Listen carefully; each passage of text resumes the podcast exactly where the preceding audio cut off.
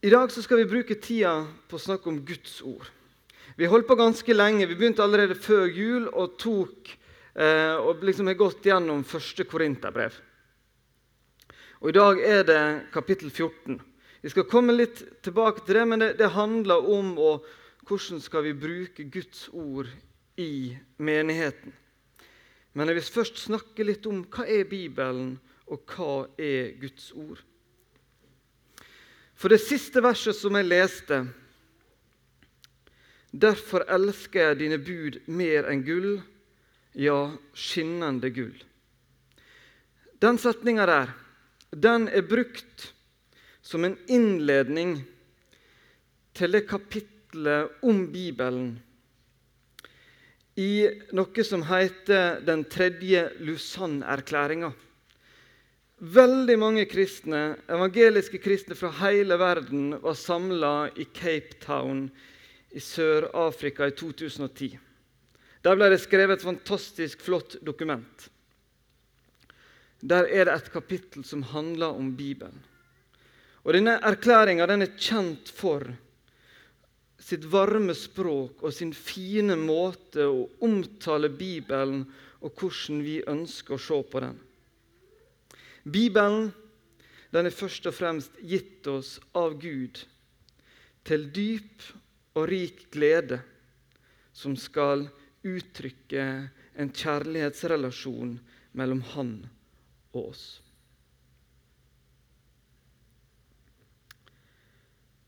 Jeg vil si fem punkt om hva Bibelen eller Guds ord er. For det første så er det ei Guds åpenbaring til oss. Gud har valgt å kommunisere med mennesker på forskjellige måter. Gjennom skapelsen og skaperverket, gjennom våre tanker, gjennom vår samvittighet. Gjennom det at han sendte sin egen sønn til vår verden. Men I tillegg til dette så valgte han altså å gi oss ei bok, sitt ord, skrevet ned. Slik at vi skal kunne få mer detaljert kunnskap både om Han, om oss og vår relasjon.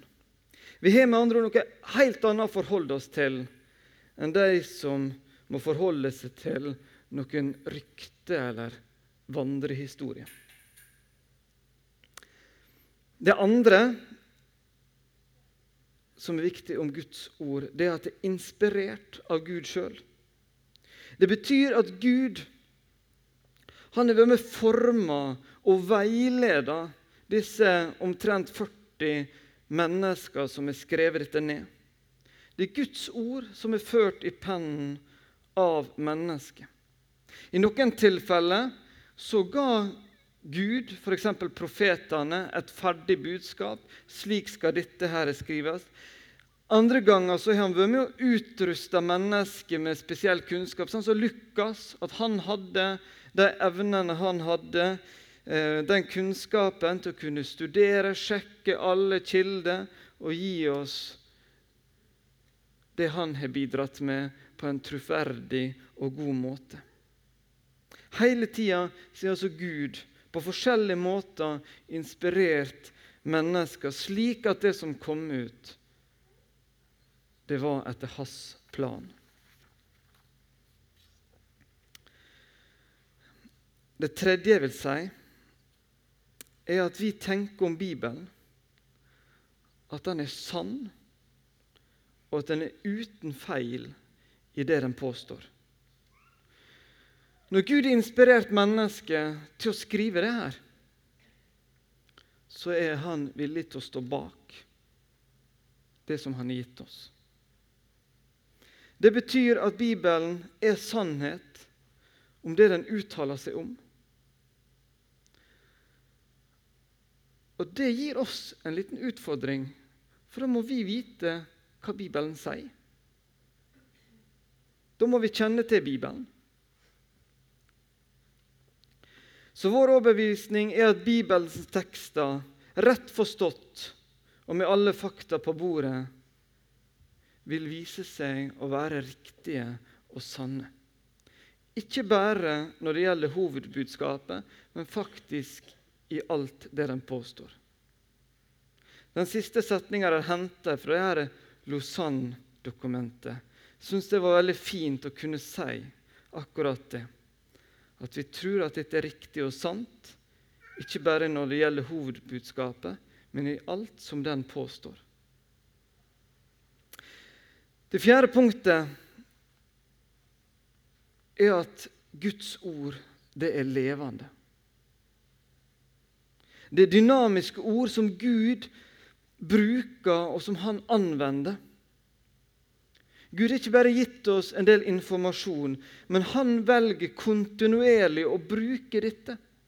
Hans ånd den jobber i oss og med oss for at vi skal kunne forstå det her. Bli glad i det, bli inspirert. Og det femte punktet mitt er at det er noe veldig viktig i Bibelen som vi ikke får i de andre åpenbaringene. Det handler om å få se den veien som Gud ville vise oss, som fører til frelse. Vi kan ane Guds storhet i skaperverket, men vi vil ikke finne veien til frelse. At Bibelen gir oss den kunnskapen vi trenger for å kunne bli kjent med Jesus og for å kunne ta imot hans frelse. Vi skal lese noe som står i andre brevet til Timoteus, kapittel 3, 14-17. Men du skal holde fast på det du har lært og har blitt overbevist om. Du vet jo hvem du har lært det av. Helt fra lit, helt fra du var et lite barn, har du kjent de hellige skriftene, de som kan gi deg visdom til frelse ved troen på Kristus Jesus. Hver bok i Skriften er innblåst av Gud og nyttig til opplæring, til rettevisning, veiledning og oppdragelse i rettferd, så det mennesket som tilhører Gud, kan være fullt utrustet til all god gjerning. Er ikke det fint? Fatter vi storheten i det her? Vi har altså mottatt ei bok som er inspirert av Gud sjøl. Han står bak det. Han kjenner seg, sier at dette her er mitt.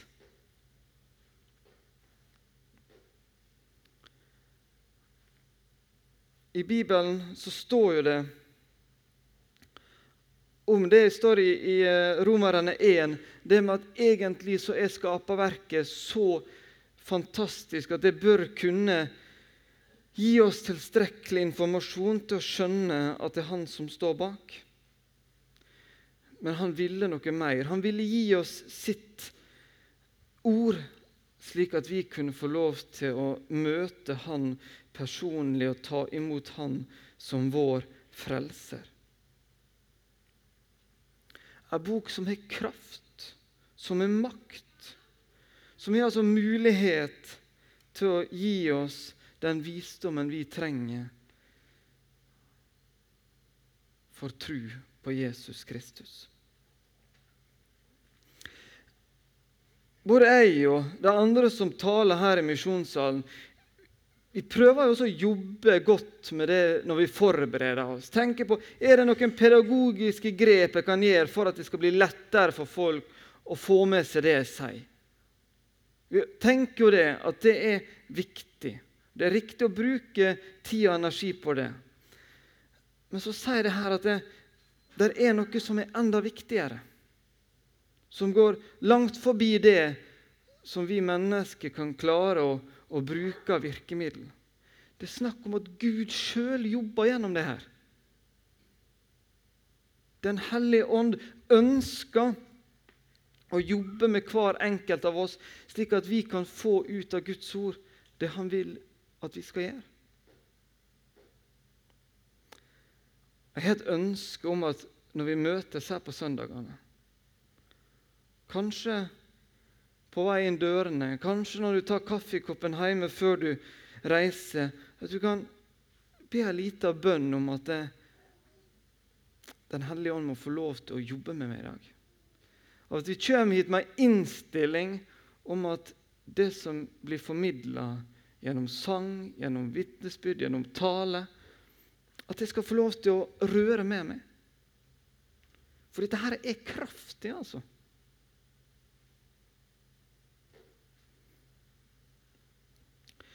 Står i Hebreabrevet 4,12.: For Guds ord er levende og virkekraftig og skarpere enn noe tveegget sverd. Det trenger gjennom til det kløyver sjel og ånd, marg og bein, og dømmer hjertets tanker og planer. Det er ganske sterke ord. Og i vår kanskje vi kan si, kavsekulære verden så har vi kanskje vanskelig for å ta inn over oss dette. Vi tenker at, vi tenker at dette her er en bok, sånn som alle andre bøker. Kan lese i den og få noe ut av det, og kanskje var det noen gode settinger jeg kan streke under. Men, men Bibelen sjøl sier at dette er noe langt mer.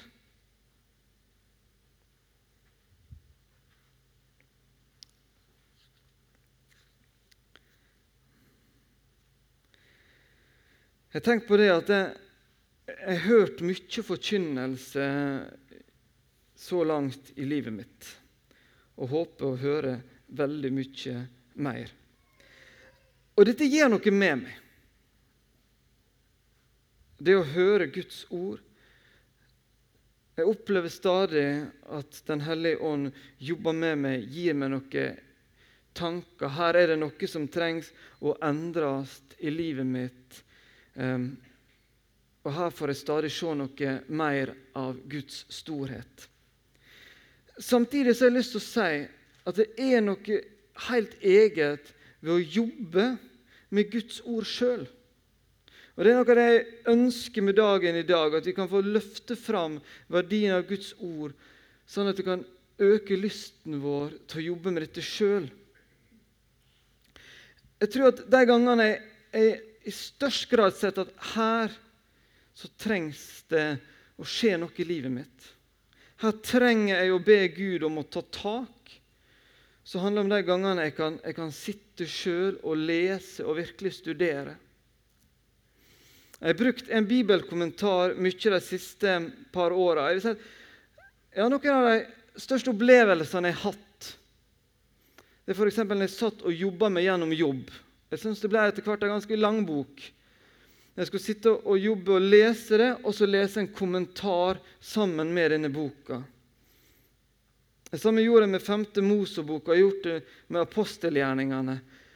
Det å få lov til å sitte og jobbe sammen på den måten, og forstå mer av hva Gud ønsker å si meg, det er noe som er veldig inspirerende, og som gir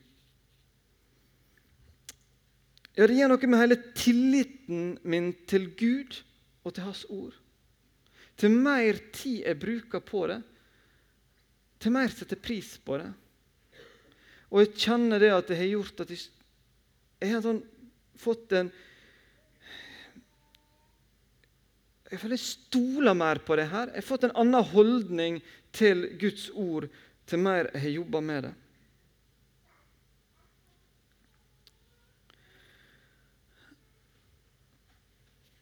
Jeg tenker det er rett å si at vi skal underordne oss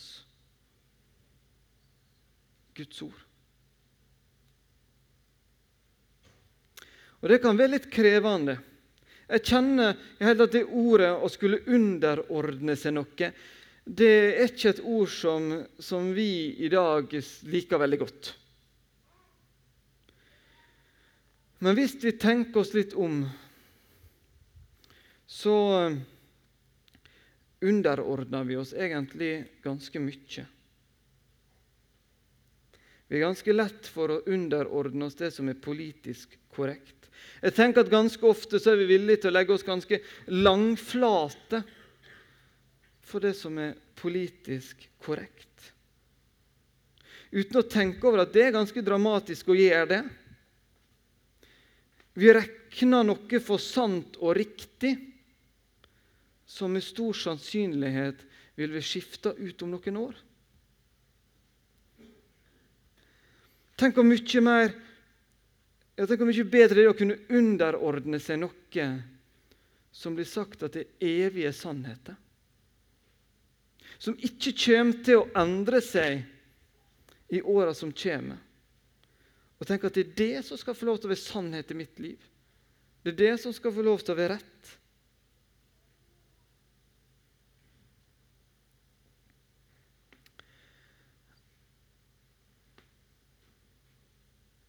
Jeg kjenner stadig på en lyst Nei, ikke en lyst, men jeg kjenner på Jo, det, det føles så lett å bare bli dratt med og mene det som er politisk korrekt. Å kjenne at det koster å skulle stå for noe annet.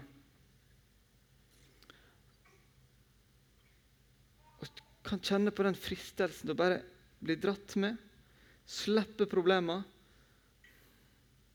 men så er det noe altså som er rett, som er sant, og som vil ikke endre seg. Og Så møter jeg ting i Bibelen som jeg har problemer med.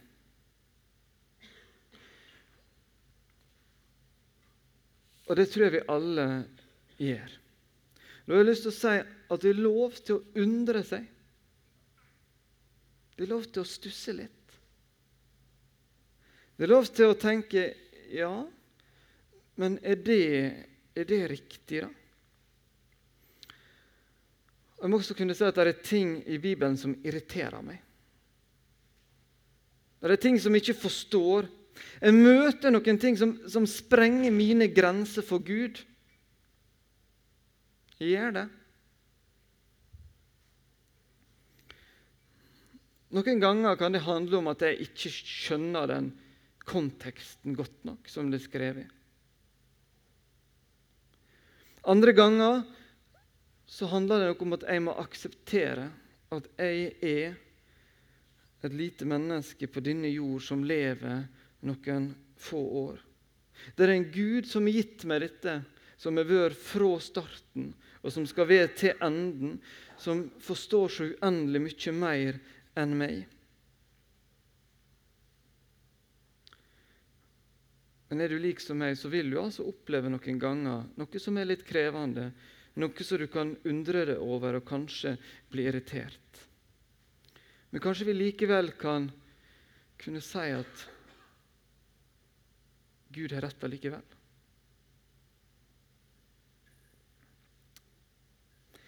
I eh, 1. Korinterbrev 14, som altså er dagens tekst, er det også noen vers som har skapt debatt, som har skapt irritasjon og kanskje sinne. Vers 33 og 34 står det som i alle de helliges menigheter skal kvinnene tie når menigheten samles. Det er ikke tillatt for dem å tale. De skal underordne seg, slik også loven sier. Og Da gjelder det det å kunne bruke tid nok til å forstå konteksten. For hvis at vi hadde bare lest det her, så er det kanskje mange som opplever det her som veldig ugreit. Men hvis vi leser bare to kapittel før, i kapittel 11, så ser vi det at det står om kvinner som taler profetisk, om kvinner som skal forkynne, så skjønner vi at dette verset her det skal ikke forstås slik som det står her, slik som vi leser det rett av. Noen tenker at dette handler om et problem i Korintermenigheten, som Paulus tar opp. Noen mener at det var noen kvinner som bidro til en spesiell splittelse, og derfor står dette her. Andre knytter disse her versene her sammen med andre vers som vi finner i Det nye testamentet. Og Oftest blir det forstått som at i synagogene, som var jo utgangspunktet for Paulus og disiplene, så hadde du en som var ansvarlig for all læren som ble lært. Du hadde én person som satt med det øverste ansvaret. Og det skulle være en mann. Så kan vi tenke det at ta det med inn i menighetssammenheng. Og det er nok slik NLM, vår organisasjon, har tenkt. At vi skal ha kanskje en som er den øverste ansvarlig for læren, og at det skal være en mann.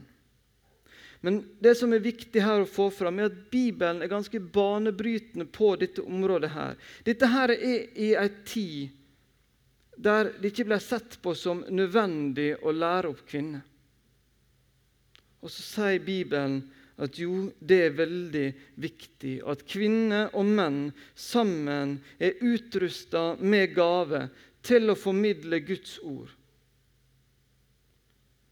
Men så skal det kanskje være en som skal være ansvarlig, eh, og han skal være mann.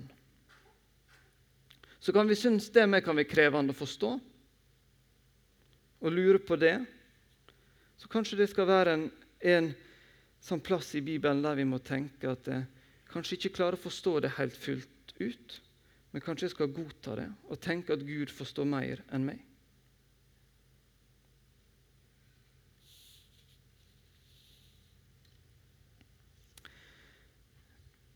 Vi skal snakke mer om praksisen som vi kan dra ut av 1. Korinterbrev 14. Eh, dette kapittelet her forteller nok også mye om at det var diverse eh, utfordringer i denne menigheten i Korint. Gjennom disse kapitlene som vi har løfta fram, så har vi sett at det er stadig noen utfordringer. Eh, og Vi ser i dette kapittelet at det er nok vært noe eh, dårlig praksis med tungetale. At den har blitt brukt på en uheldig måte. Dette var en ung og umoden menighet. Og Paulus bruker veldig mye plass i dette kapittelet til å snakke om eh, det med tungetale og forkynnelse. At overdreven tungetale det er uheldig. Nå er ikke overdreven bruk av tungetale en veldig stor utfordring i misjonssalen. Men jeg tenker at vi kan trekke to slutninger ut av det som står. Jeg kan si at Tungetale er en nådegave. Det er en gave som vi skal være glad for. En gave som vil oppleves som trosstyrkende for den som har denne gava. At det er mest naturlig å bruke den som, et, det, som en del av et personlig bønneliv. Men den kan også bli brukt i menighetssammenheng. Og Da skal vi etterstrebe at noen har gave til å tolke det som blir sagt. Ikke slik at det er noen krise om at det skjer. Det kan skje at noen kjenner på at de har et budskap som skal formidles til tunge. Så kan det være at noen har fått tydinga, men ikke kjenner på frimodigheten den dagen til å gjøre det. Det er ikke noe krise om det skulle skje. Men vi skal altså etterstrebe at eh, det blir tolka når det skjer i en menighetssammenheng. Det er gave som blir gitt til oppbyggelse og oppmuntring for den som hører på, og det vil først oppleves når det blir tolka. Men det som sitter igjen hos meg som en hovedsetning fra 1. Korinterbrev 14, er at det er viktig at når menigheten samles, at Guds ord får stor plass. Det kan skje på forskjellige måter. Det kan skje ved undervisning, det kan skje ved korte appeller, det kan skje ved eh, forkynnelse, det kan skje ved sang. Vi opplever jo stadig det i en flergenerasjonsmenighet som vi vil være. Når vi skal finne sanger som skal spenne seg fra de som er null år, til de som er 92 år, så vil det være en del ganger at han høre noen sanger som man ikke tenker at dette var min favoritt. Men da tenker jeg på Tenk om vi kunne bli flinkere til, i stedet for å være så opptatt av at det ikke var min favoritt, så kan vi lese teksten, om ikke annet. For alle de sangene som blir sunget her i misjonssalen, de har et godt budskap. Formidler Guds ord.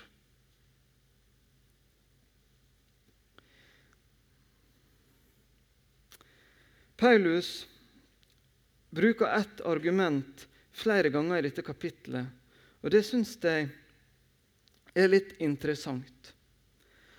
Han snakker bl.a. om tungetale, og det hvis alle hadde stått og snakka i tunge uten at dette blir tolka, så sier han hva vil de forstå, de som da kommer utafra? De som ikke er vant til å være i en sånn sammenheng. Paulus er tydelig på at vi skal formidle på en slik måte at de som kommer på besøk, som er her for første gang, skal kunne forstå det som blir sagt. Det syns det skal være en utfordring, er en utfordring til meg, og det er en utfordring til oss alle at den formidlinga som skjer, det skal ikke være for en indre kjerne, men vi skal utfordre hverandre på å formidle Guds ord, slik at også den som kommer innom, skal forstå. Mange har lært seg Johannes 3, 16 utenat. Vi kaller verset for Den lille Bibelen, for det inneholder mye av evangeliet bare i ett sånt lite vers. Men det er en annen 3.16 som vi også gjerne kunne ha lært oss utenat. Kolossabrevet 3.16 står det La Kristi ord få rikelig rom hos dere. Undervis og rettle hverandre med all visdom. Syng salmer, viser og åndelige sanger til Gud av et takknemlig hjerte. La Kristi ord få rikelig rom hos dere.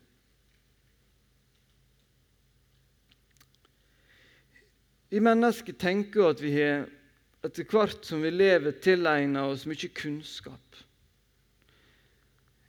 Vi får også mye erfaring og visdom. Og I møte med andre mennesker så har vi kjapt med å komme med vår visdom, med vår erfaring, til å kunne veilede og gi råd. Jeg tenker at Ofte er det både rett og godt. Men det ligger noe i dette ordet her, dette verset her, så jeg tenker kanskje skal vi være flinkere til å kunne bruke Guds ord. Jeg var i et uh, kapittel helt annen plass i Bibelen som jeg eh, jobba med litt for en stund siden jeg skulle på input. Når Samuel blir kalla på av Gud, så springer han inn til profeten Eli for å få hjelp til å forstå hva som skjer. Så denne gamle profeten som har levd et helt langt liv og kunne sikkert fortalt Samuel mye Han velger å bruke ikke sine ord. Han sier til at du skal gå tilbake og høre hva Gud vil si deg. Jeg tenker at det er En del ganger folk kommer og sier noe til meg, så har jeg kanskje ønsker enten å oppmuntre og si 'kjør på', eller jeg tenker at 'nei, dette syns jeg kanskje ikke du skal gjøre', ut ifra min erfaring og min kunnskap, i stedet for å sende folk til Guds ord. Kanskje de hadde fått et annet svar da. At vi kan bruke Guds ord i møte med andre mennesker. At vi kan bruke det til å oppmuntre, til å veilede, til å rettlede hverandre med en kunnskap som vi henter fra Guds ord, Guds evige ord.